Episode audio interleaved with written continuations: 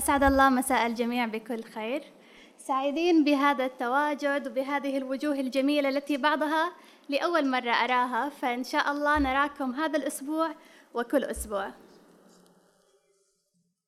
في علم الاتصال نموذج الاتصال يكمن في وجود المرسل الرسالة المستقبل ورجع الصدى أو التغذية الراجعة. فيكون الاتصال حلقة دائرية تدور في اتجاهين. حتى في المجال الصحي. دورك كمراجع أو مريض أو مستقبل رعاية صحية ليس دور باتجاه واحد فقط. استقبال المعلومة من أو الخطة العلاجية من الطبيب وتنفيذها مباشرة. بل لابد أن تكون أكثر وعيًا بمشكلتك الصحية ماهيتها ما طبيعتها وما هي الإمكانيات المتوفرة لحل هذه المشكلة أو علاج هذا المرض. دورك عزيزي المراجع يطلب منك وعي وعي كافي بالتمكين الصحي. ما هي حقوقك كمستقبل رعاية صحية؟ ما هو دور المؤسسات والأفراد لتحسين سلامة المرضى؟ كل هذا وأكثر نتعرف عليه في ندوتنا هذا المساء وهي بعنوان التمكين الصحي ورفاه المجتمع مع ضيفتي الدكتورة فاطمة الهملان. لنتعرف أكثر على دكتورة فاطمة هي عالمة أبحاث في علم الفيروسات واستشارية في علم الأحياء الدقيقة بمستشفى الملك فيصل التخصصي ومركز الأبحاث. أستاذ مشارك في كلية الطب بجامعة الفيصل. مؤسسة جمعية رفيدة لصحة المرأة والرئيس التنفيذي المكلف لها. قائدة مجموعة تواصل الصحة العالمية في مجموعة مؤسسات المجتمع المدني قادة القمة العشرين في السعودية عام 2020 تشغل عضوية عدة لجان استشارية في صندوق الاستثمارات العامة في مجال الصحة والهيئة العامة للغذاء والدواء في قطاع الأجهزة ومكتب تحقيق الرؤية واللجنة الوطنية لصحة المرأة والطفل واللجنة الوطنية لقضاء للقضاء على سرطان عنق الرحم وغيرها. رئيسة اللجنة العلمية للأولمبياد لأولمبياد البحث العلمي في مؤسسة موهبة.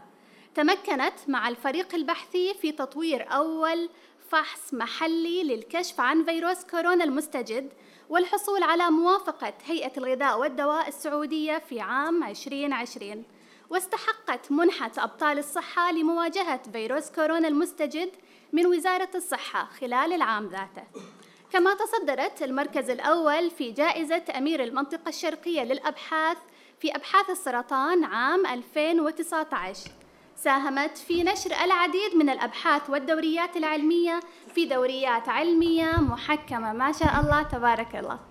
تحية إلى دكتورة فاطمة. السلام عليكم. آه شكرا أستاذة جنان. يعني مقدمتك أعطيتينا الخلاصة من موضوع اليوم واللي هو التمكين الصحي. اللي ذكر الأستاذ محمد اليوسف إنه الطب خفت لما شفت الطب. هو الطب يتقاطع مع كل شخص في هذه الغرفة. سواء كنا ثقافة سواء كنا أدب سواء كنا رياضة. بالعكس هذه كلها يعني تتقاطع مع الصحة لأن بدون صحتك أنت لا شيء. فالصحة هي العمود الفقري، الصحة هي الأساس، لذلك نحرص دائما على تعزيز الصحة. اليوم نتكلم عن التمكين الصحي وأهمية ومسؤولية كل فرد بالتحكم بصحته. دائما نقول صحتك بيدك. أنت صاحب القرار. نحرص على هذه المحاضرات. سعيدة جدا بوجودي معكم الليلة. شكرا للأستاذ جعفر. إحنا تقابلنا في عسير قبل شهرين تقريبا وذكر لي على المنتدى وعلى الندوة آه، ندوة الثلاثاء. وحرصت جدا على الحضور حريصة جدا على مقابلة آه، أهل القطيف والمجتمع القطيفي. اليوم يعني كذا ساعة قضيتها هنا واستمتعت جدا وسعيدة بوجودكم كلكم وأتطلع للحديث معكم كلكم. وللتعاون أعتقد الفكرة من هذه المنتديات هي التعاون. اليوم بشارك معاكم بعض البرامج اللي نسويها في التمكين الصحي. طبعا اليوم أنا لابسة قبعتين مختلفة. لابسة قبعة مستشفى الملك فيصل التخصصي كعالمة أبحاث في علم الفيروسات ومهتمة في صحة المرأة وأيضا كمؤسسة لجمعية صحة المرأة اللي لها أيضا برامج مختلفة كمؤسسة مجتمع مدني. حذكر لكم بعض هذه البرامج وأبغاكم تقولوا لي إذا أنتم مهتمين في هذه البرامج أوعدكم نجي ننفذها في القطيف بإذن الله. ونفيد السيدات. حأبدأ اليوم. اذا هذه هي المحاور الرئيسية اللي حنتكلم معاها وإذا في أي سؤال آه، قاطعوني أي وقت. آه، ما شاء الله أنتم في القطيف تتكلمون بهدوء. إحنا شوي سريعين فإذا كنت سريعة فبلغوني يعني اهدي شوي. فحنتكلم اليوم اللي هي العناوين الرئيسية. حتتكلم عن التمكين الصحي في المملكة دور المؤسسة أو المنظومة الصحية ودور كل فرد مننا في عملية التمكين لتعزيز الصحة اللي بدورها تؤدي إلى رفاه المجتمع. أيضا المرأة دائما يعني ما شاء الله سعيدة بوجود السيدات معنا الليلة. آه، المرأة وتحديات التمكين الصحي وأين نقع في هذه الفترة مع هذا التحول الوطني لحقوق المرأة وخاصة حقوق المرأة الصحية؟ دائما لما نتكلم عن التمكين التمكين بشكل عام وليس التمكين الصحي. يمكن لو أسأل كل واحد منكم ما هو التمكين. آه، بحصل على إجابات مختلفة. بالعكس البعض قد يربطه بتصور سلبي. قد يكون التمكين بالنسبة له شيء سلبي. قد يكون التمكين بالنسبة له هو تحرر هو ندية هو فردانية. آه، التمكين لو ننظر للتمكين بمعناه الحقيقي هو مسؤولية ومساءلة. أنا لما أمكنك أنا أعطيتك المسؤولية وأنت تتحمل قرارك. أنت أصبحت صاحب مسؤولية. وهذه هي الفكرة من التمكين. الآن لما نتكلم عن التمكين الصحي منظمة الصحة العالمية عرفت التمكين الصحي أنه عملية يكتسب الناس من خلالها سيطرة أكبر على القرارات والإجراءات التي تؤثر على صحتهم. معنى ذلك لما تروح المستشفى ويصير أي إجراء أو أي قرار يبغى ياخذ الدكتور لازم توافق على هذا القرار. هل مر عليكم الموافقة المسبقة؟ هذه تعتبر تمكين. ما يقدر يسوي شيء في جسمك بدون موافقتك.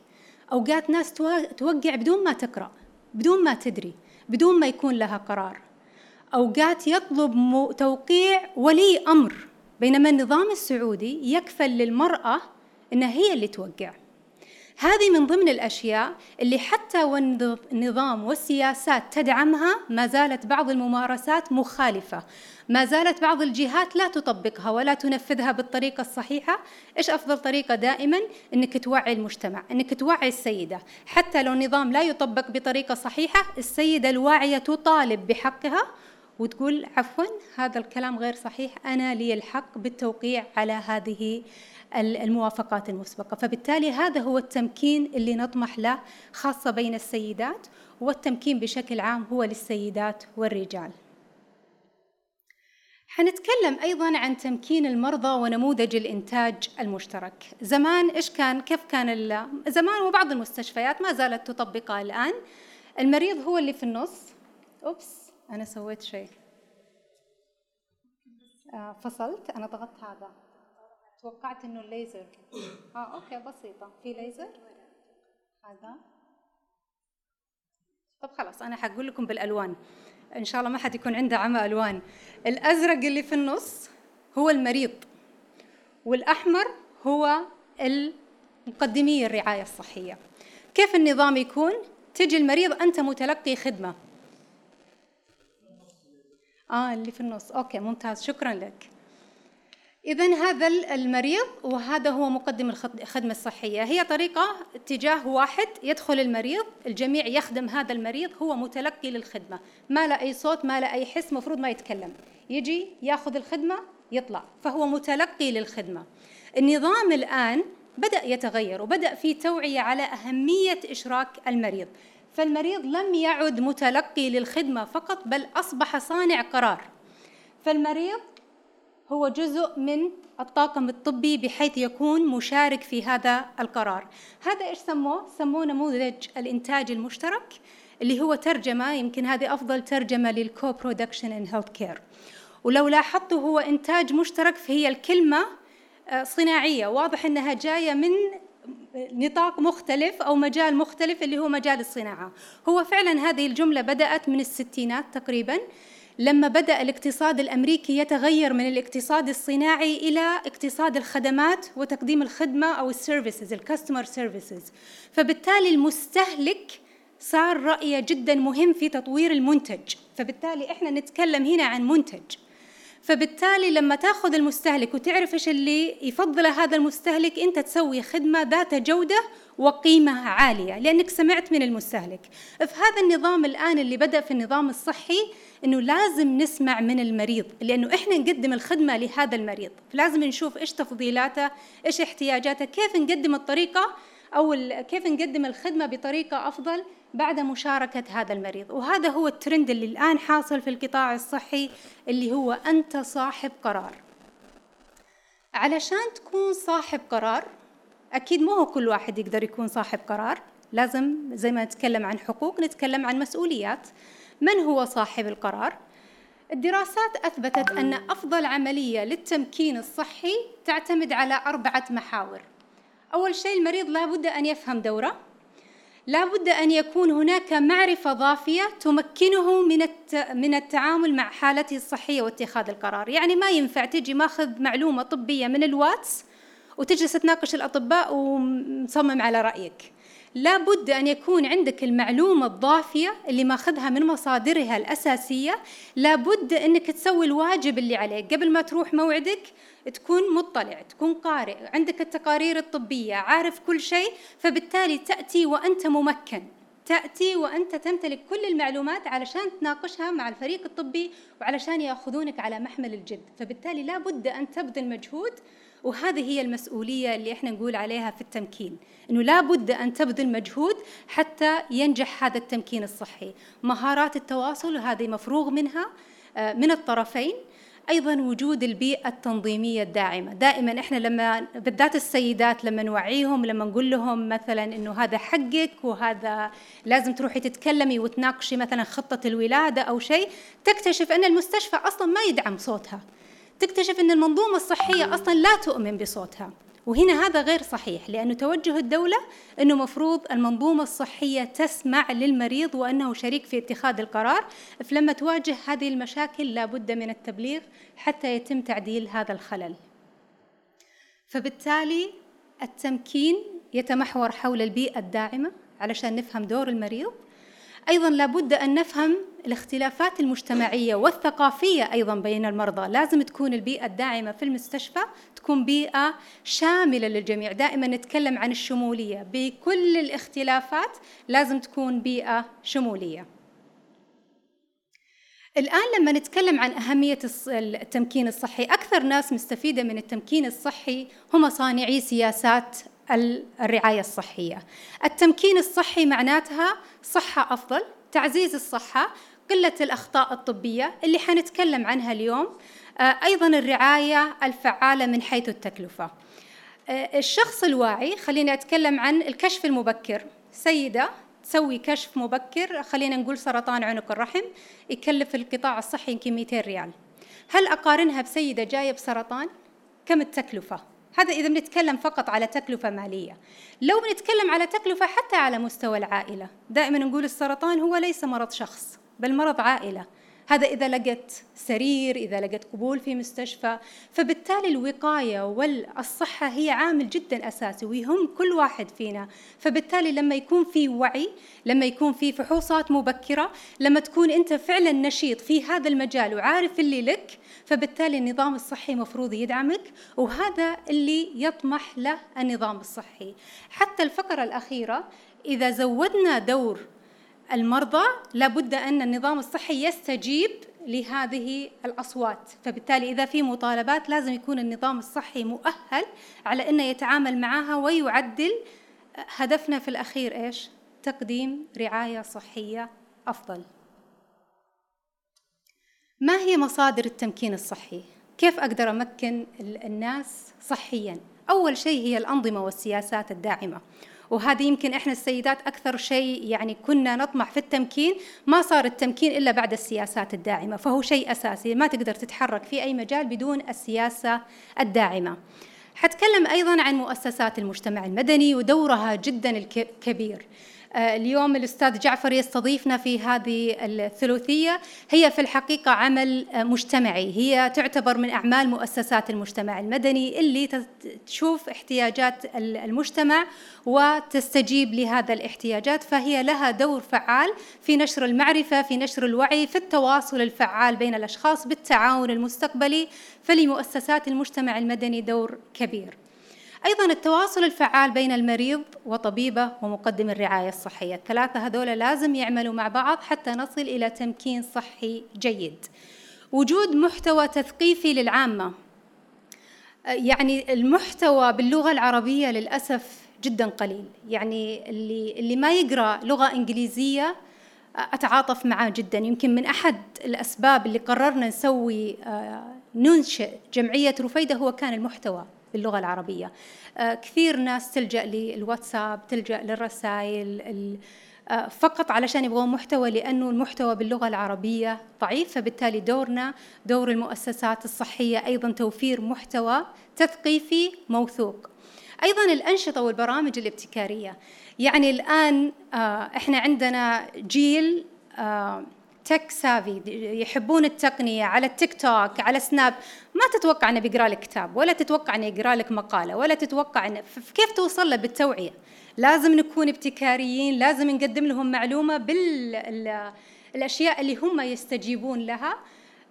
أيضا عندنا جيل كبير في السن ما يعرف يتعامل مع التقنية. كيف أوصل له هذه المعلومة؟ هو جزء من المجتمع وحق من حقوقه هو التمكين الصحي. فبالتالي هذه من مسؤولياتنا كيف نسوي برامج توعوية جذابة مبتكرة بحيث أن المعلومة توصل والجميع يكون مشارك في هذا التمكين. مثل ما ذكرت اليوم حركز على الأنظمة والسياسات الداعمة ومؤسسات المجتمع المدني. رفيدة كنموذج. نجي للتشريعات الصحية وحقوق المريض ومسؤولياته مثل ما ذكرت لكم حقوق ومسؤوليات. أه، ولي العهد لما ذكر في لقائه الأخير على التحول الصحي للمملكة العربية السعودية ذكر أنه نظام نظام الحكم يكفل الصحة مجانا للجميع. فهذه إحنا خالصين منها هذه موجودة. لكن هدفنا الآن هو جودة الصحة جودة الخدمة وليس فقط تواجدها المجاني. فعلشان كذا التحول اللي صاير الآن في القطاع الصحي على جميع المستويات يهدف إلى خدمة ذات جودة أفضل. والمريض هو جزء من هذه الرحلة. فبالتالي هناك آه، وثيقة. وثيقة الحقوق. طبعا أنا حاطة ال barcode ال QR كود للي حاب يروح على الصفحة. هذه كلها معلومات تهم كل شخص فينا. لازم تكون عارف بحقوقك الصحية. وزارة الصحة نشرت وثيقة الحقوق الصحية. فيها كل التفاصيل على حقوقك. في حقوق المرأة في حقوق الطفل المعاقين المرضى النفسيين مصابين بالإيدز كل التفاصيل حتلاقيها في هذه الصفحة. هدفنا هو زيادة ثقة المرضى بالمنشآت الصحية وأن يكون المريض صاحب قرار في هذه المنظومة. فبالتالي صوتك مسموع وهذا بدعم من الحكومة. حذكر لكم في مستشفى الملك فيصل التخصصي بما أني أشتغل في مستشفى الملك فيصل التخصصي وزي ما أنت عارف أنت لما تشتغل في منظومة أول شيء تحرص عليه تعرف قيم هذه المنظومة. من قيم التخصصي إنه patient centric. إنه كل شيء لخدمة هذا المريض. لازم تسمع من المريض تتعاطف مع المريض تقدم الخدمة للمريض تمكن هذا المريض. فهذه من أحد قيم المستشفى بالإضافة إلى قيم أخرى كسلامة المريض وسلامة العاملين في المستشفى. أيضا والأهم من هذه القيم هو التميز. إنك تقدم هذه الخدمة بتميز لأنه هذا اللي يحرص عليها المريض وهذا اللي يهتم فيها المريض. فهذا مثال على إن كل الجهات الصحية في المملكة حريصة على حقوق المريض. بدينا نسمع عن آه، تجربة المريض وهذه أيضا بدأت تصير في السعودية. هذه كلها أشياء جديدة نوعا ما بدأنا نسمعها في السعودية. أتمنى إن الجميع يطلع عليها وهذه تعتبر حق من حقوقك. مارس هذا الحق كل ما رحت للمستشفى. إن شاء الله ما تحتاجوا المستشفيات. شيء جديد هو بدأ عام 2017 تقريبا في السعودية وهذا تذكير على أهمية سلامة المرضى اللي هو المركز السعودي لسلامة المرضى. طبعا لما نتكلم عن سلامة المرضى هي لتقليل الأخطاء الطبية. آه، كلنا سمعنا عن الأخطاء الطبية. في آه، يمكن 1999 نشر تقرير في أمريكا. كان عنوان التقرير مميز. يمكن أنتم اللي تحبون الأدب تترجمونه بطريقة أفضل مني إنه to err is human إنك علشان تغلط هذا شيء بشري. okay؟ كيف نسوي القطاع الصحي مكان آمن؟ فهذا معناته إنه قد يكون القطاع الصحي ليس آمن بسبب كثرة الأخطاء الطبية. آه، فبالتالي حرص العالم بشكل عام على تتبع الأخطاء الطبية ومواجهة الأخطاء الطبية. ووصل عندنا الآن توجه إنه يكون zero harm ما يكون في أي أذى على أي أحد في هذه المنشأة الطبية. الأفراد والأشخاص هم يساعدون دائما على كشف هذه الأخطاء الطبية ومنع هذه الأخطاء الطبية. لذلك لو تروحوا الموقع الموقع السعودي لسلامة المرضى حتشوف كل حقوقك الصحية علشان تمنع الأخطاء الطبية. في 2016 جونز هوبكنز نشروا آه، إحصائية إنه الأخطاء الطبية أو الوفيات بسبب الأخطاء الطبية في أمريكا كانت يمكن ربع مليون سنويا. هذه وفيات تصير في بسبب أخطاء طبية في المستشفيات، المستشفيات المفروض تكون امن مكان. آه، بدأوا يقارنون المستشفيات بالطيران. الطيران يتعامل مع أعداد بشرية هائلة ومع ذلك الطيران يعتبر آمن أكثر من المستشفى. بدأ النظام الصحي يتعلم من نظام الطيران ومن الجودة ومن السيفتي اللي بيصير في نظام الطيران والتشيك ليست والأشياء هذه كلها علشان منع الأخطاء الطبية. مثل ما ذكرت لكم في السعودية أصبح سلامة المرضى شيء جدا أساسي وفي كل منظمة صحية سلامة المرضى شيء أساسي للمرضى وللعاملين الصحيين فبالتالي إذا شفت أي شيء غير صحيح يعني لو تدخلوا على المركز السعودي لسلامة المرضى يقول لك لو شفت الممرضة ما هي لابسة جلوفز تروح تقول لها البسي جلوفز ما غسلت يدها لك الحق إنك تقول لها غسل غسل يدك. يعني لهذه الدرجة أنت لك الحق أنك تمنع الأخطاء الطبية البسيطة بالإضافة إلى وعيك إذا شفت معلومة كتبت بطريقة خاطئة أو كان في علاجات لم تشرح لك بطريقة صحيحة لك الحق دائما أنك تتكلم وتصحح. مثل ما ذكرت هذا هو موقع المركز السعودي لسلامة المرضى. تمكين المرضى تدخل تلاقي كل الحقوق الصحية موجودة. نجي الآن لدور المؤسسات والأفراد. لكل فرد ولكل مؤسسة ولكل منظومة دور في حماية المريض. لما نتكلم عن دور المؤسسات أنا ما راح أقراها كلها حقول لكم شيء جدا مهم في المؤسسات لتبين لنا حرص المؤسسات على منع الأخطاء الطبية وعلى سلامة المرضى. آه، أحد منكم سمع على Just Culture أو البيئة العادلة في مكان العمل؟ أحد سمع منكم؟ يمكن هذه منتشرة كثير في الصناعة أكثر من المجال الطبي لكن تبناها المجال الطبي. معناتها إذا أحد سوى خطأ طبي خلينا نقول ممرضة أعطت تفضل. بالضبط. هذا لما يكون ممرضة مثلا غلطت أعطت علاج غلط أوكي؟ لازم النظام أو المستشفى يحميها إذا جت واعترفت. إحنا إيش اللي بيصير؟ يفصل الشخص أو يعاقب. وهذا خطأ لأنه زي ما قلنا الإنسان يخطئ والمستشفى يمكن 70% بشر فبالتالي تتوقع نسبة الأخطاء عالية. فبالتالي إحنا لازم نتعامل معها بطريقة صحيحة. فأي شخص يخطئ لابد أن يتعامل مع الخطأ كمؤسسة كبروسس سيستم وليس كفرد لأنه معناتها في عندي مشكلة في هذا. فإحنا لما يجي أحد يتكلم نحاول نصحح الخطأ أكثر ما نعاقب الأشخاص حتى تكون عندنا بيئة عادلة. هي أكيد إنها لازم تكون غير متعمدة لأنها لو متعمدة ما جات وقالت صح؟ الأمان. إعطاء الأمان. شكرا. ترجمتها لي. في الأمان هذا جدا مهم إنه يعطى بحيث إنها تكون بيئة عادلة آمنة. إذا أحد أخطأ يصحح الخطأ مباشرة. مثل ما ذكرت لكم يمكن تويوتا هي الشركة اليابانية اللي بدأت بهذا ال concept إنه آه، إذا استمر الخطأ فإحنا حيكون عندنا يعني آه، مشاكل أخرى. فبالتالي خلينا نوقفها من الآن. rectify نعدل. وبعدين نستمر في آه، إن شاء الله إنه ما يتكرر هذا الخطأ فبالتالي إحنا نعدل في ال system نفسه. تفضلي. هذه هذه لها process مختلف لكن هذا ما يمنع إنها تتكلم إنها تتقدم وتتكلم. صار أنا ما أبغى أذكر القصة لكن هي فعلا صارت في السعودية. آه يعني لازم لازم الشخص يتكلم لأنه قد يكون الشخص حريص انه يتكلم لأنه أذى أحد فلازم يبري ذمته فهو الشخص حيتقدم. كيف تم التعامل معاه هذا شيء ثاني بس أنا يعني أعرف إنه في شخص تقدم وقال فبالتالي مفروض ال system يضمن جهة العقوبة هذه بحيث إنها تكون بيئة عادلة يعني هذه أكيد فيها process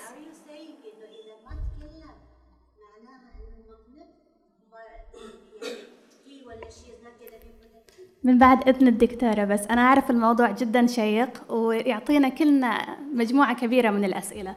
لكن نخلي الأسئلة إلى ما أن تنتهي الدكتورة من ممكن تسجلي ممكن بس تسجلي عندك في الجوال نوت السؤال عشان لا تنسى. حنرجع له حنرجع ونجي ونجيب عليه إن شاء الله في النهاية. تفضلي دكتور يعطيك العافية. اسمك الكريم؟ وسيمة. يعطيك العافية. حرجع لك وسيمة.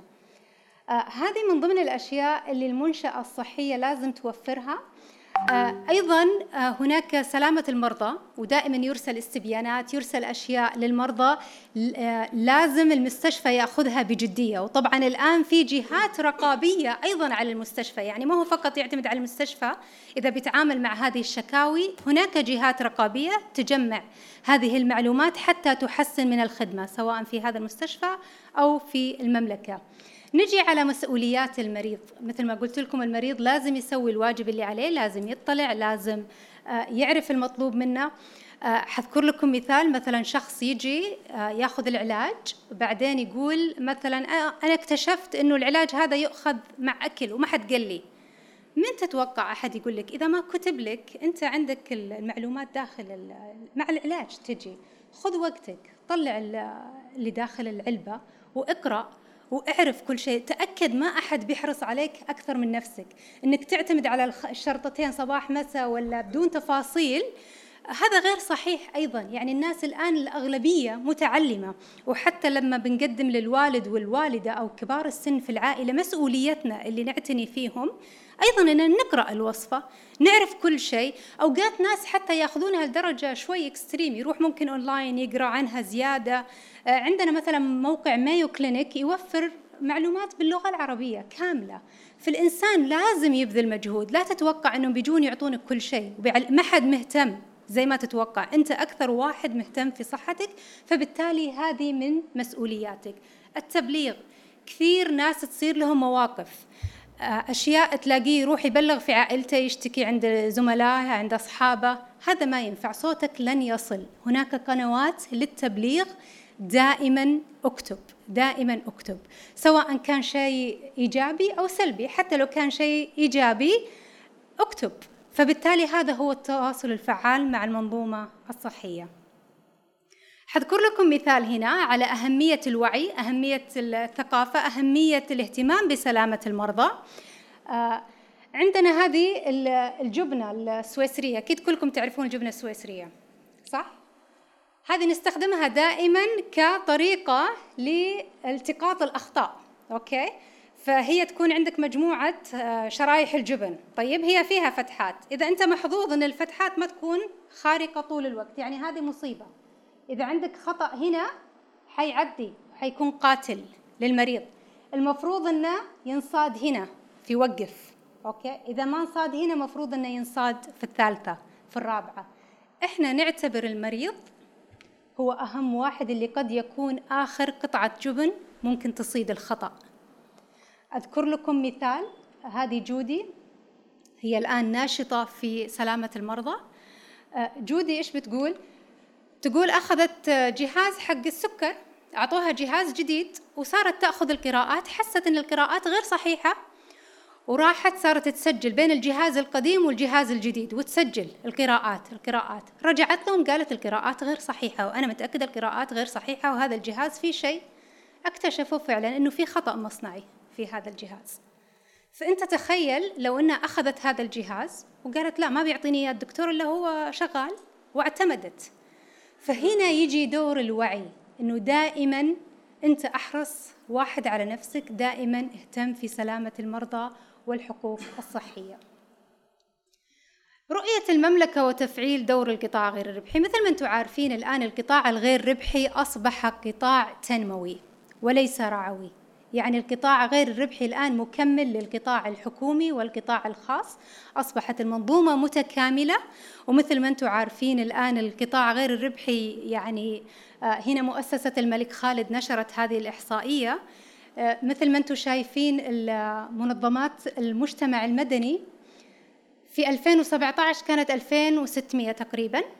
في 2019 تقريبا وصلت 7000 الآن إحنا 2022 أكيد أكثر. وإن شاء الله جمعيتكم كمان تزيد هنا.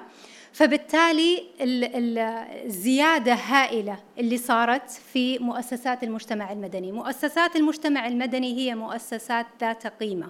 مؤسسات تعرف احتياج المجتمع وتصمم البرامج للمجتمع.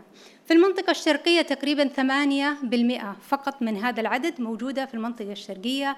ما أعرف الصراحة كم في القطيف لكن تخيل لو عندك مؤسسة مجتمع مدني فهي أفضل مؤسسة لتصميم برامج ومبادرات لخدمة المجتمع وأبناء المنطقة. آه، منظمة البنك الدولي يعرف المنظمات غير الربحية أنها منظمات مدنية تقود برامج وأنشطة سواء لتخفيف معاناة أو تعزيز مصالح الفقراء أو حماية البيئة أو تقديم الخدمات الاجتماعية الأساس الأساسية مثل ما ذكرنا هدفها العدالة وتنمية المجتمع. دائما مؤسسات المجتمع المدني هي صوت المجتمع. دائما تعمل على قيمة بناء على احتياجات هذا المجتمع. حتكلم الآن على جمعية رفيدة لصحة المرأة. طبعا جمعية رفيدة لصحة المرأة رقمها 770 آه، في وزارة الموارد البشرية. آه، أسسها تقريبا 25 آه، شخص يعني لهم كل الشكر والامتنان. جمعية رفيدة يعني أسسها ناس مؤمنون بأهمية خدمة المجتمع. دائما إحنا نقول قد ما تكون privileged وقد ما تكون محظوظ بتعليم آه، قد ما تكون مسؤول على خدمة غيرك ونهضة غيرك. آه، إحنا دائما نحرص إنه أيضا السيدات في المجتمع يستفيدوا من آه هذا العلم يستفيدوا من هذه الخدمات يستفيدوا إنه يكون لهم صوت إذا هم صوتهم غير مسموع فبالتالي نحن صوتهم وجمعية رفيدة هي صوت المرأة. ليس في الرياض لكن حتى في القطيف وحتى في كل أنحاء المملكة. آه يقود الجمعية سمو الأميرة موضي بنت خالد لها كل الشكر والتقدير. أنا أشوف الأستاذ الموسى صح؟ معانا؟ أنت الموسى؟ لا لا لابس أزرق. لا. أوكي لأنه إحنا وقعنا أيضا مع الموسى في الحسا. في أحد البرامج وهذا توسع أيضا في برامج جمعية رفيدة للتعاون مع الآخرين. فإحنا مقرنا في الرياض لكن الآن بذكر لكم بعض البرامج إذا شفتوا إن لها أهمية في القطيف إحنا مستعدين أيضا في تنفيذها. لا أنا المفروض ما اغششكم من هي رفيدة؟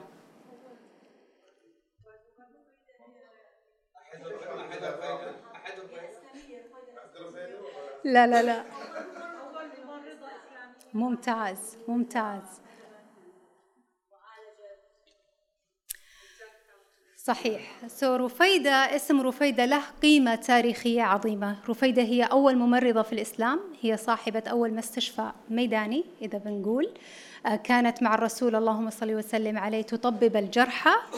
آه، فكان هذا رمز على أهمية اختيار الاسم آه، أنه جمعية رفيدة ودور المرأة جدا كبير في المجتمع فهي جزء لا يتجزأ من المجتمع. فمن يعترض على عمل المرأة ووجودها في المجتمع فهو مخطئ لأنه من عهد الرسول اللهم صل وسلم عليه كان يبارك عملها وكانت جدا آه، كانت آه، يعني معاهم في الحروب وكانت تطبب الجرحى. رفيدة أيضا معناته باللغة العربية الرفت أو الملجأ الآمن. جمعية رفيدة هي مرجع للسيدات للمعلومة الموثوقة. مثل ما ذكرت لكم كانت المعلومة باللغة العربية غير متواجدة فبالتالي نحرص في جمعية رفيدة في توفير هذه المعلومات الموثوقة. آه، هنا برامج جمعية رفيدة اللي آه، حتكلم عنها بشكل جدا مختصر. تقوم استراتيجية رفيدة على ثلاثة محاور أساسية.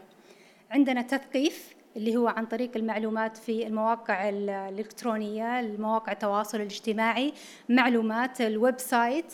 آه، عندنا أيضا التدريب وهو آه، يعني ورش عمل. وأيضا عندنا التمكين اللي يهمنا الليلة اللي هو تمكين المرأة الصحي وحقوق المرأة الصحية. لما نتكلم عن التثقيف آه، مشروع ولادتي مشروع خطة الولادة إحنا نؤمن أن الولادة هي مرحلة جميلة في حياة المرأة وليست مرض. فبالتالي هدفنا توعية السيدات بأهمية خطة الولادة. من أول ما تعرف أنها حامل في موقع رفيدة وأي أحد يقدر يدخله آه، في خطة الولادة اللي تحدد خياراتها الصحية وهذا جزء من التمكين. لأنها تطبع خطة الولادة تكون مطلعة على كل الخيارات الصحية تروح تاخذ الورقة اللي طبعتها تروح تشاركها مع طبيبتها وتتفق مع طبيبتها على خطة الولادة وعلى تفضيلاتها في هذه المرحلة. فهذه من ضمن الأشياء اللي حققنا فيها جائزة سلامة المرضى في عام 2019 لأن المرأة الواعية تقلل من الأخطاء الطبية وتكون على اطلاع حتى سلامة نفسية لما هي تروح المستشفى وعارفة إيش اللي تتوقعه ومطمنة إنه الطبيبة فاهمتها وعارفة خياراتها وتفضيلاتها فبالتالي رحلة الحمل تكون رحلة ممتعة لهذه السيدة. فبالتالي هذا هدفنا من هذا المشروع. مشروع Houston Methodist جمعية رفيدة موقعة اتفاقية دولية مع مستشفى Houston Methodist في أمريكا. نقدم محاضرات للممارسي للممارسين الصحيين.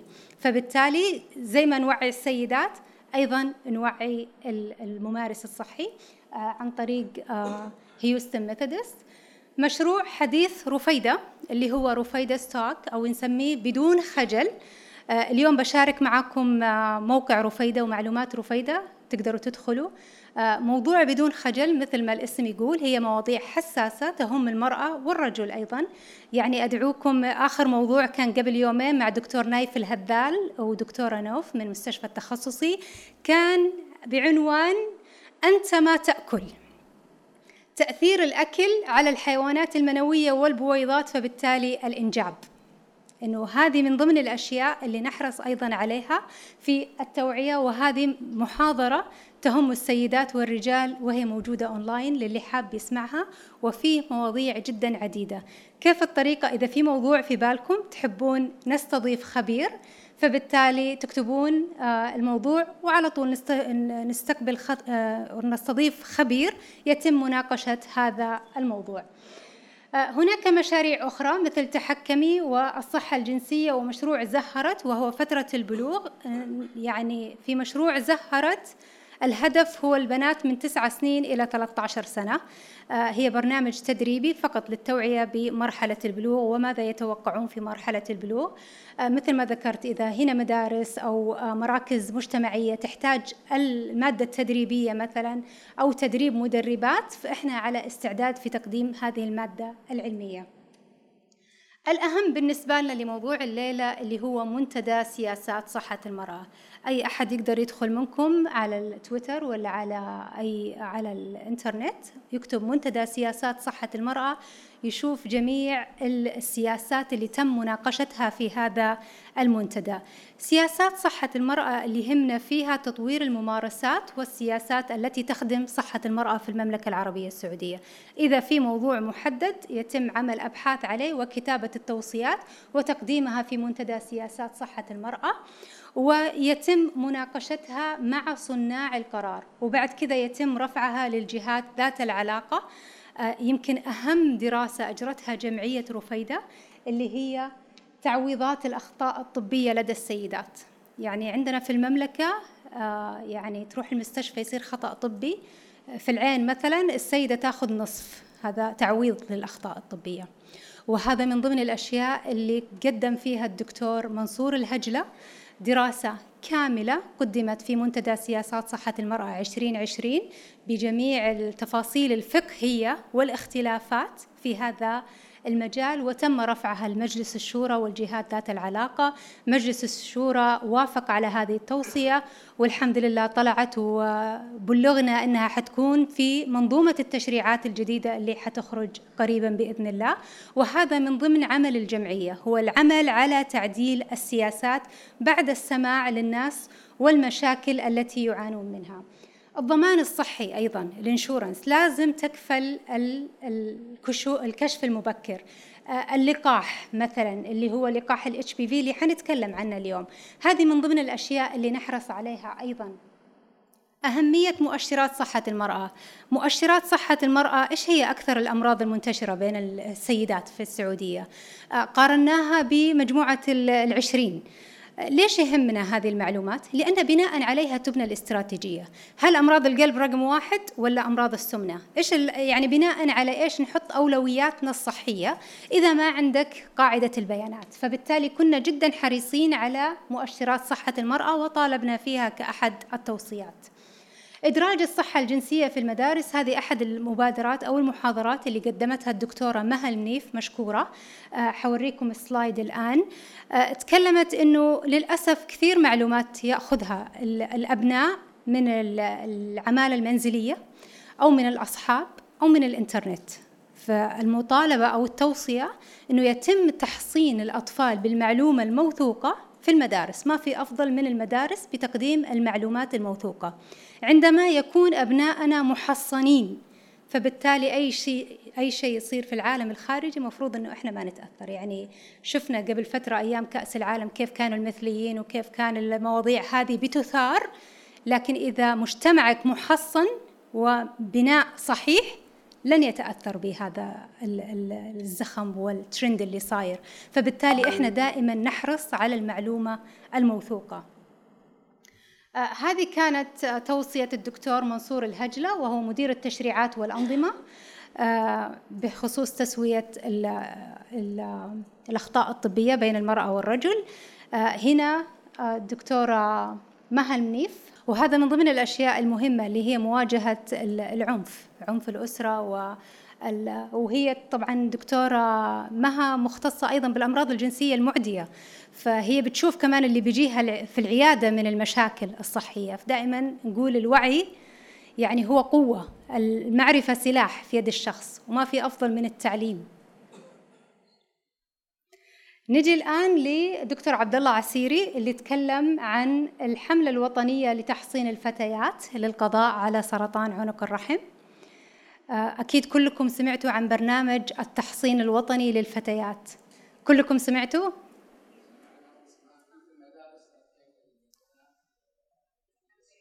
ممتاز كيف الأصداء؟ هل قابلين ولا رافضين ولا مسلمين؟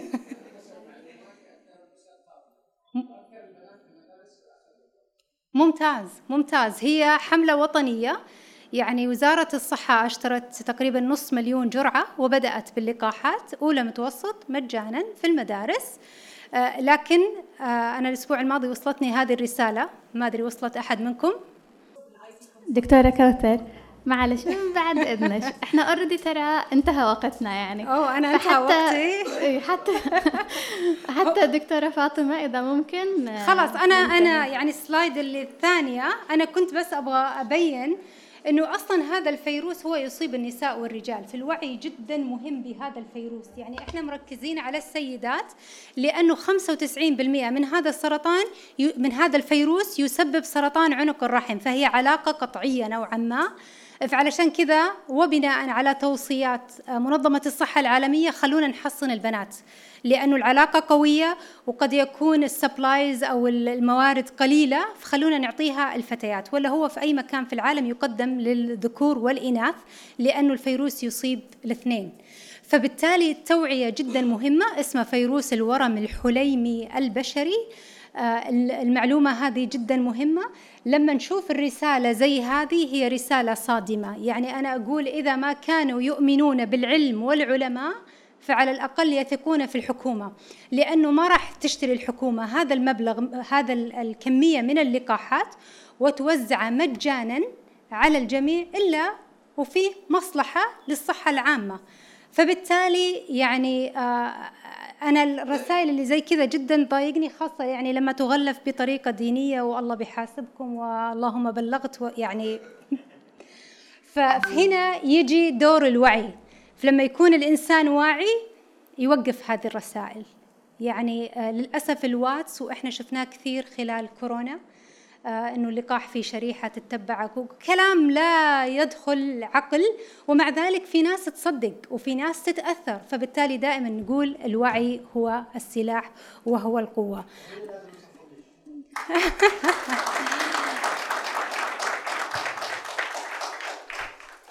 شكرا. شكرا لكم جميعا.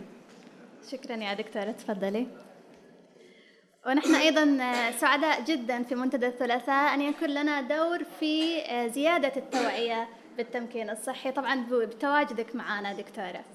من بعد إذنك ممكن نتوجه وإلى أسئلة الحضور. تمام؟ أول شيء نبدأ طبعا مع الأستاذة وسيمة تفضلي. الممرض أو الممرضة ما اعترفوا بغلطهم يعني شو الخطوات اللي بعدها. يعني ما تعرفي إذا اعترفوا ولا ما اعترفوا. هي المفروض كل مؤسسة كل مستشفى في نظام. ولجان. عارفة في كل مستشفى في لجان أيضا تتعامل مع هذه الأخطاء الطبية. آه، إحنا دائما نحرص إنهم يعترفون. أوكي؟ إذا ما اعترفوا يمكن ما حد يدري. أو قد يصير في تحقيق. في المؤسسة. فبالتالي إحنا دائما نحرص إنه الجميع اللي يسوي خطأ يتقدم وهذه هي البيئة الآمنة ما هو لاتهام الأشخاص بقد ما هو تعديل السيستم وتعديل الخلل حتى يكون عندك خدمة ذات جودة. طبعا شكرا دكتورة. طبعا إحنا عندنا شروط بسيطة إلى المداخلات أن التعريف بالاسم أولا المداخلة تكون سريعة وموجزة وأيضا ناخذ ثلاث مداخلات ومن ثم نجيب.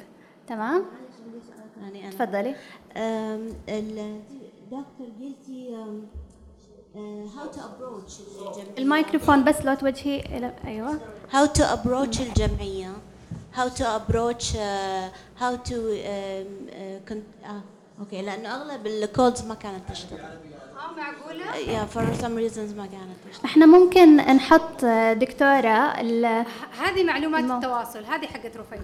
لو تتابعينا على الانستغرام راح ننشر إن شاء الله موقع رفيدة جمعية رفيدة آه، وثيقة الحقوق وكل المواقع اللي ذكرتها الدكتورة ممكن ننشرها في الإنستغرام فادخلوا بس شوفوا الليلة إن شاء الله تكون موجودة في ال story. ناخذ سؤال آخر تفضل.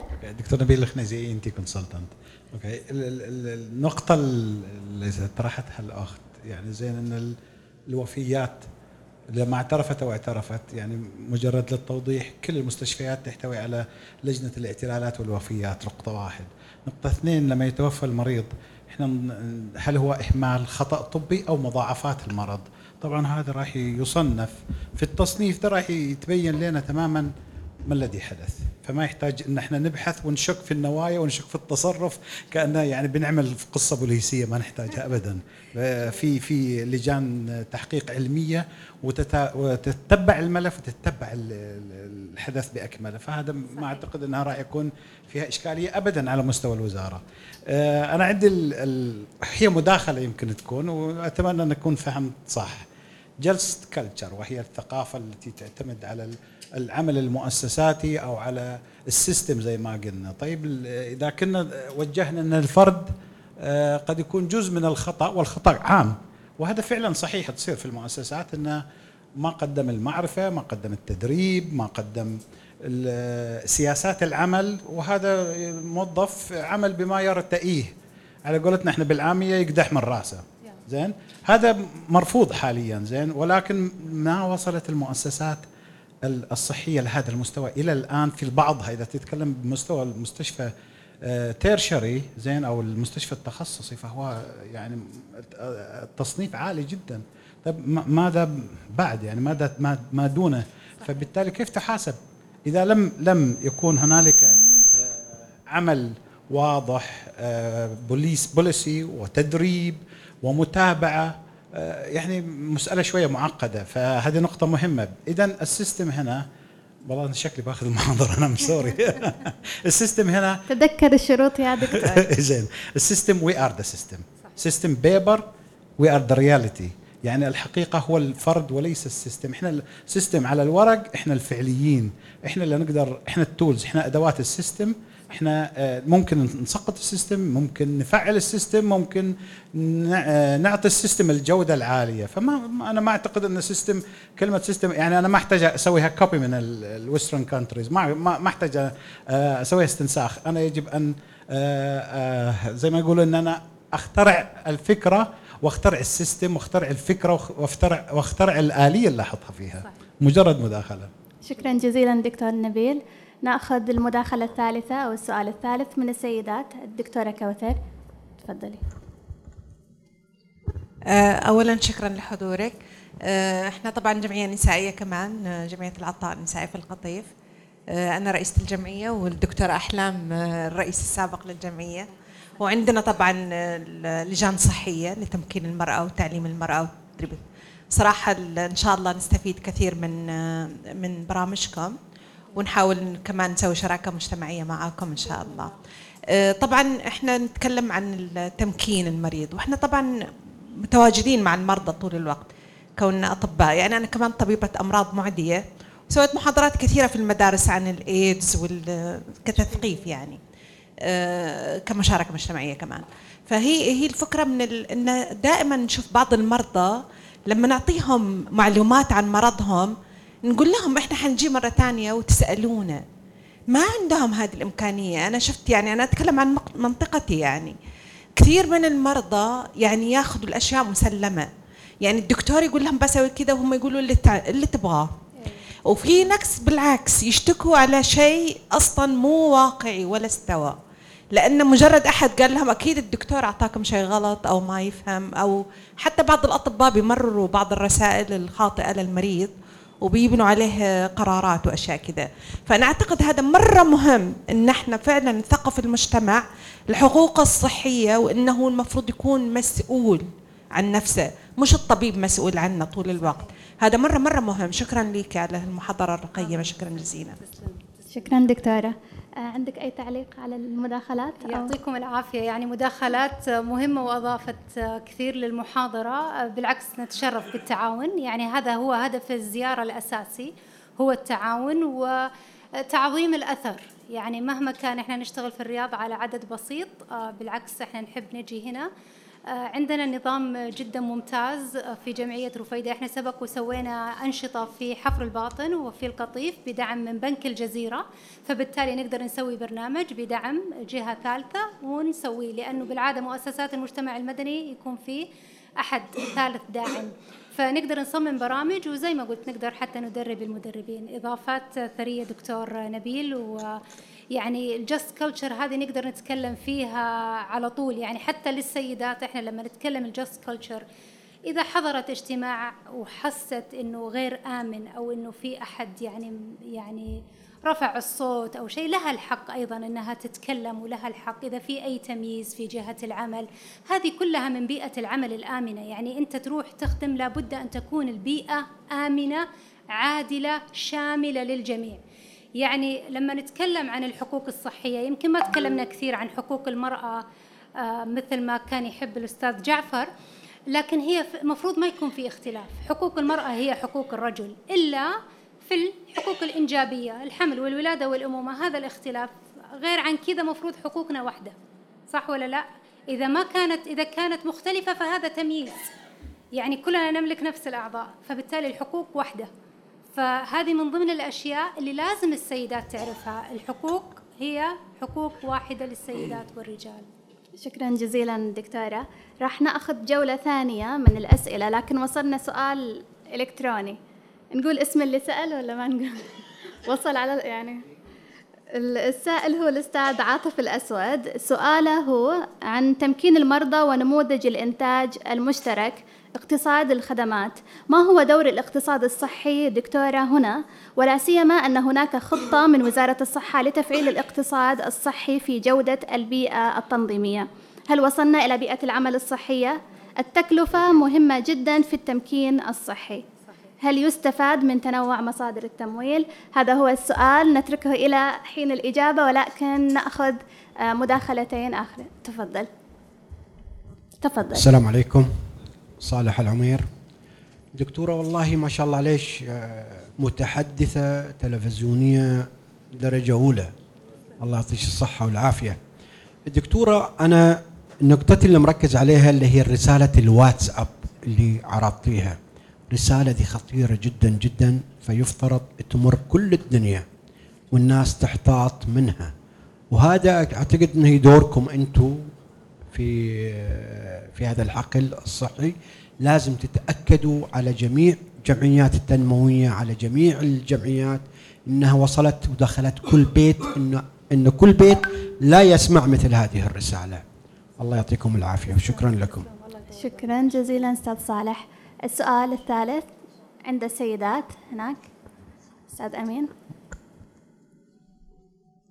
ممكن تعرفي بنفسك والسؤال يكون واضح وقصير. شكرا. السلام عليكم. هدى القصاب. يعطيكم العافية. محاضرة قيمة جدا ومهمة. آه، سؤالي أو آه، مداخلتي حول التمكين والتغير المتغيرات الآن وطبعا وجود آه، وحدة التمكين والحقوق الصحية في كلية الطب في جامعة الملك عبد العزيز أحد الروافد للمعرفية أو التثقيفية في هذا الجانب بالإضافة إلى مطالبة إدخال هذا الجانب في التدريس طبعا سواء في الثانوية أو مراحل الجامعة بالإضافة إلى التوعية من خلال السوشيال ميديا. لكن هناك نقطة مهمة جدا حتى يتكامل هذا التمكين. لابد من معرفة المريض حقوقه آه، بشكل واضح من ناحية توضيح مثلا الحالة المرضية آه، أو حالة في حالة أنه هو محتاج إلى عملية.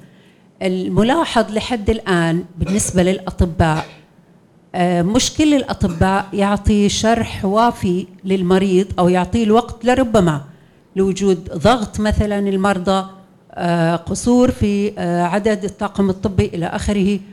فنحتاج هذا الشيء بشكل آه، مهم جدا إنه يكون يشرح للمريض بما يفهم المريض بغض النظر الطريقة اللي يفهمها المريض بغض النظر عن خلفيته يعني الثقافية أو مستواه. يعني الطبيب يستطيع إنه يشرح بالأسلوب اللي يفهم المريض. مش لازم يكون المريض مثلا عنده خلفية آه، واسعة في المفردات الطبية أو في هذا المجال. أو عنده مثلا ابن أو ابنة يكونوا أطباء لا ممكن إن يكون عنده قدرة على الشرح لأي مستوى لأي خلفية. ولا يضيق ذرعا يعني بعض الأطباء مع احترامي الشديد لا زالت هناك فوقية بين الطبيب وبين المريض في الشرح أو في التوضيح باعتبار إن المريض لا ما راح يفهم حتى لو أنا شرحت له ما راح يفهم لا المفروض يفهم. المفروض يكون عند الطبيب أسلوب لتوصيل أي معلومة لتوضيح أي معلومة. شكرا. شكرا جزيلا أستاذة هدى. تفضلي دكتورة. يعني معلومات كافية ووافية ما أقدر أزيد عليها. رسالتها واضحة نصيحتها للأطباء بقضاء وقت كافي مع المرضى. قد يكون لهم عذرهم إنهم يشوفون مرضى كثير في نفس الوقت. لكن آه، لو نرجع لنقطة النظام الصحي والتحول الصحي حيصير يعتمد على الجودة أفضل. إذا الجميع حيكون عنده تأمين صحي فبالتالي الشخص له الحق أنه يذهب للمستشفى اللي يقدم خدمة أفضل.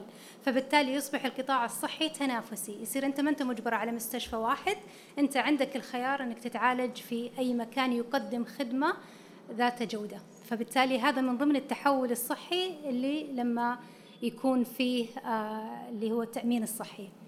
بالنسبة ل آه، خطة آه، وزارة الصحة لتفعيل الاقتصاد الصحي في وجود البيئة. أنا غير مخولة للحديث عن وزارة الصحة. شكرا جزيلا دكتورة. أعتقد تفضل دكتور. أنا ما أنا دكتور أنا راح نختم معك اليوم. ختام هامش مساء الخير وشكرا جزيلا على المحاضرة القيمة هذه.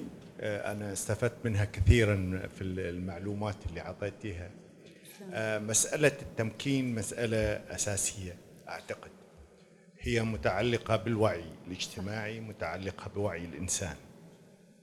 إحنا في مجتمعنا مسألة الوعي آه، مسألة تحتاج إلى تفاعل كبير ما بين ال- ال- القاعدة ما بين الناس بشكل عام وما بين السلطة السياسية. صحيح. لأن إحنا لا يوجد عندنا مسائل أخرى يتم فيها الوعي عن طريق مجلس الشورى عندنا ما يسوي شيء في هذه المسألة. إذا لابد من إيجاد هذه البرامج اللي تكون مسؤولة عنها وزارة الصحة اللي من خلالها يتم عملية توعية إلى كل المواطنين في مسألة التمكين. مسألة التمكين مسألة مهمة لأنها هي برضو راح مو فقط تحط مسؤولية على ال على البيشنت على المريض ولكن هي مسؤولية برضو على الأطباء وعلى صحيح. المستشفى وعلى الوزارة على أساس أنهم يوجدوا كل الإمكانيات الأساسية لإعطاء المريض احتياجاته أنا أستغرب أن إحنا نتكلم في الواقع عن التمكين في الوقت اللي أنا طبعا وصلت من العمر وعتية وزرت مستشفيات كثيرة في المنطقة الشرقية ووجدت على أن هناك فوارق شاسعة ما بين ما نتحدث فيه من تمكين وما بين ما هو موجود على أرض الواقع. إذا أحتاج إلى مقابلة من مركز صحي في القطيف إلى مستشفى القطيف المركزي عشان يشوفني طبيب كلى ولا طبيب قلب أحتاج إلى خمسة شهور ستة شهور سبعة شهور. إذا إحنا على ماذا نتكلم؟ أي تمكين نتكلم؟ إذا كانت وزارة الصحة ما عملت المجهود الكافي بحيث أن هي تقلل من الفترة الزمنية اللي من خلالها يستطيع ال- ال- المواطن أن يحصل على الخدمة من المستشفيات المعنية. نجي ونقول للمواطن إذا حصلتها بعد تسعة شهور تعال وتأكد على أن وضعك آه، متمكن وجيد. أنا أعتقد أن ال priorities الآن في الوقت الحالي في وزارة الصحة بالذات تتلخص في أن هي تقدم quality service تقدم حاجة متميزة إلى المواطن والمواطن يستاهل. أنا أعرف أن السياسة السياسيين لهم رغبة جامحة في إعطاء كل شيء إلى المواطن. هي المسألة في هذه القوى المسؤولة عن عملية التنفيذ لا تقوم بعملية التنفيذ بشكل وأنت جيد. تستاهل شكراً كل جزيلاً. الوقت أستاذي. شكرا, شكراً لك على جزيلاً. المداخلة. شكرا. نأخذ تعليقين. قصيرين وموجزين. تعر... وأنا بيوصل الميكروفون أيوه. تفضل. أول هو شيء متحمس للمداخلة يعني ما نقدر نزعله. آه، أوكي. تعرف بنفسك؟ آه، أنا أسامة الخميس استشاري باطنية وأمراض كلى. آه، طبعا أشكرك على المداخلة أول شيء. آه، طبعا أنا طبعا في مستشفى القطيف أشتغل. آه، النقطة الأولى أنا كنت بتكلم فيها على قضية التمكين على الموضوع أن تمكين المريض بحاجة أنه يكون عنده آه، معرفة قبل ما يناقش الطبيب. آه، أنا رأيي مختلف تماما. ما يحتاج يكون لأن المريض هو صاحب حاجة. ما بيجي لنا هو آه، عنده معلومات وساعات يجي هو أصلا ما عارف وش طريقة. فإحنا المفروض نوصل في مكانته. يعني الإنسان يجي له يعني هو يجي لك يمكن عنده بلاوي الدنيا لكن يقول لك عندي هذا الوجع بس حله لي. إذا أنا ما شفت هذا الوجع ما بقدر أعالجه. آه، طبعا قضية التمكين هذه من زمان طبعا عانينا فيها كثير. أنت تكلمتي عن المرأة إحنا مو بس المرأة سابقا كانت يعني تقول أنا بتردد بسأل زوجي. كنت دائما أقول لها أنت المريضة مو زوجك المريض. آه، إحنا ترى واجهنا اشياء ثانية مريض يحتاج غسيل عاجل يقول ما أقدر أوقع أبغى ولدي يوافق. ولدي مو موافق. يعني إحنا عندنا في المجتمع مشاكل كثيرة هذه ترى. قضية مو فقط التمكين في ثقافة المجتمع عندنا عسيرة إحنا نحاول فيها. آه، طبعا هو تكلم بالنسبة الاخ آه، كثير على موضوع المواعيد وإيش نسوي. طبعا تكلم عن المرضى الكلى. آه، أنا بس بتكلم عن مبادرة. إحنا فتحنا مبادرة آه، في جمعية مضار كشف مجاني. خارج أوقات دوامنا. صار لنا سنة. لا بس. بس بوضح بوضحها صار صار؟ صار سنة. صار لها تقريبا ثمان أشهر. ومسوين إعلانات كثيرة. للأسف ما في قبول. ليه؟ ما ناس ما يحضروا الناس. بالعكس نسوي في كل مكان دعاية. إحنا موجودين بخدمتكم ممكن إحنا في. منتدى الثلاثاء إن شاء الله نسمع عن مبادرتكم فإحنا في عملنا هذا الشيء في المبادره بالنسبة للمواعيد بالعكس كلها جدا قريبة ومن سنين أكثر يعني. شكرا جزيلا. معلش إحنا والله ودنا إحنا نجلس معاكم ل 12 الليل. أنا واعدة دكتور عبد الرزاق اليوم. ان إحنا نخلص بكير يا جماعة لا تحرجوني. مديري في الشغل ترى. حطوها في راسك. ناخذ آخر آخر مداخلة من دكتور محمد تفضل. يعطيك العافية دكتورة. أهلا وسهلا آه، بكم في القطيف وشكرا على هذه المحاضرة. آه، محمد الحماقي الرعاية الأولية في القطيف. آه، أنا يمكن أبغى أشير إلى نقطة ثانية هي يمكن تعتبر ال infrastructure of empowerment أو البنية التحتية إلى تمكين المرأة والفتاة. اللي هي ممكن تكون محددات الصحة determinant of health. يعني من الصعب على المرأة والفتاة إنها تكون ممكنة إذا كان هناك تحديات اقتصادية، تحديات اجتماعية، تحديات لها علاقة بالتعليم. آه يعني التمكين هو ليس فقط للطبقة المتوسطة فما أعلى. صحيح. آه الوصول إلى المستشفى هو أيضا حق. آه الحصول على التعليم الكافي، الحصول على آه الحد الكافي من آه البنية الاقتصادية ليتمكن الإنسان بالحياة آه صحية هو أساس. قبل الحصول على ماموجرام مثلا. يعني الماموجرام لا يمنع مرض السرطان هو يكتشف مرض السرطان الوقايه من مرض السرطان تكون بتمكين الفتاة من الحصول على تغذية آه، سليمة الحصول على facility أو مكان تمارس فيه الرياضة والنشاط العضلي. شكرا. شكرا جزيلا دكتور محمد. نسمع تعليقك بشكل سريع دكتورة. طبعا مداخلتك محمد يعني آه يعني قريبة من قلبي كثير لأنه فعلا هي معاناة، معاناة للمرأة الريفية، معاناة للمرأة اللي تعيش خارج المدن الرئيسية من جميع النواحي حتى على مستوى مؤسسات المجتمع المدني، ما عندهم مؤسسات مجتمع مدني، ما عندهم أحد يسمع صوتهم ويعرف احتياجاتهم، فبالتالي لما يصمم برنامج أو مبادرة تؤخذ برأي الأغلبية وبعدين تطبق وتفشل غالبا في هذه المناطق النائية البعيدة لأنه ما سمعت عن احتياجاتهم، إحنا دائما نتكلم عن أهمية إنك تسمع من المستفيد من هذه الخدمة. آه، أعتقد الطريق قدامنا وأعتقد الصوت هذا لازم يوصل من أكثر من شخص، لازم يكونون جزء من هذه المبادرات وهذا العمل لازم نوصل لهم. احتياجاتهم وأولوياتهم تختلف عن احتياجات وأولويات المرأة في الرياض مثلا صح ولا لا؟ فبالتالي المؤشرات هذه جدا مهمة. ما نقدر نقول مؤشرات صحة المرأة مثلا لو بنتكلم عن المرأة في المملكة العربية السعودية ولكن في كل منطقة من المملكة العربية السعودية. يعني عندنا المناطق الإدارية الصحية كثيرة. أتخيل لو كل إدارة صحية تطلع بالأولويات حقتها ويتم تصميم البرامج على هذا الأساس. أعتقد إحنا الآن نمر بمرحلة تحول صحي. يعني حتى المشكلة مع المواعيد وهذه المفروض إن هذه يعني هذه من ضمن التحديات الكبيرة. يعني إحنا الآن آه، حيصير في تحول جدا كبير. إحنا الآن ما زلنا في هذا التحول. نطمح انه يصير بشكل سريع والجميع يستفيد لكن هذا لا يعني إننا نكون صامتين. وننتظر التحول يتم في الصورة النهائية ونجلس صامتين هذه السنين. من الآن صوتك مفروض يسمع. عندك الجهات تشتكي يعني وزارة الصحة 937 هذا الرقم حقهم تقدر تتواصل معهم. آه لازم يكون تخيل الشكوى تجي من أكثر من شخص تخيل الاستبيانات هذه تكتب رأيك بكل حيادية. إحنا أوقات مشكلتنا بنشتكي بيننا بين فصوتنا ما بيوصل. فبيتوقعوا أن كل شيء تمام لأنه هذه الأشياء توصل لجهات رقابية أخرى لابد أن تتخذ إجراء. فهذا هو الطريقة الوحيدة أنه يوصل صوتك أنه تكتب في هذه الجهات. شكرا جزيلا دكتورة فاطمة. يعني الحقيقة موضوع مثري جدا وما يكفي ساعة ولا ساعة ونص. إن شاء الله نلتقي في ونشوفك في القطيف أيضا. في ندوات ثانية إن شاء الله. شكرا جزيلا. شكرا شكرا لكم جميعا.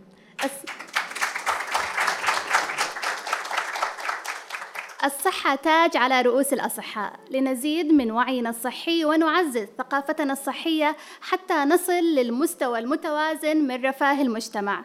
في النهاية التمكين الصحي هو الطريق الآمن لكل من الممارس الصحي ومستقبل الرعاية الصحية لتكن أنت صاحب القرار. شكرا جزيلا لكل الحاضرين في هذه الندوة. نراكم إن شاء الله هذا الثلاثاء وكل ثلاثاء. تصبحون على خير. صورة جماعية.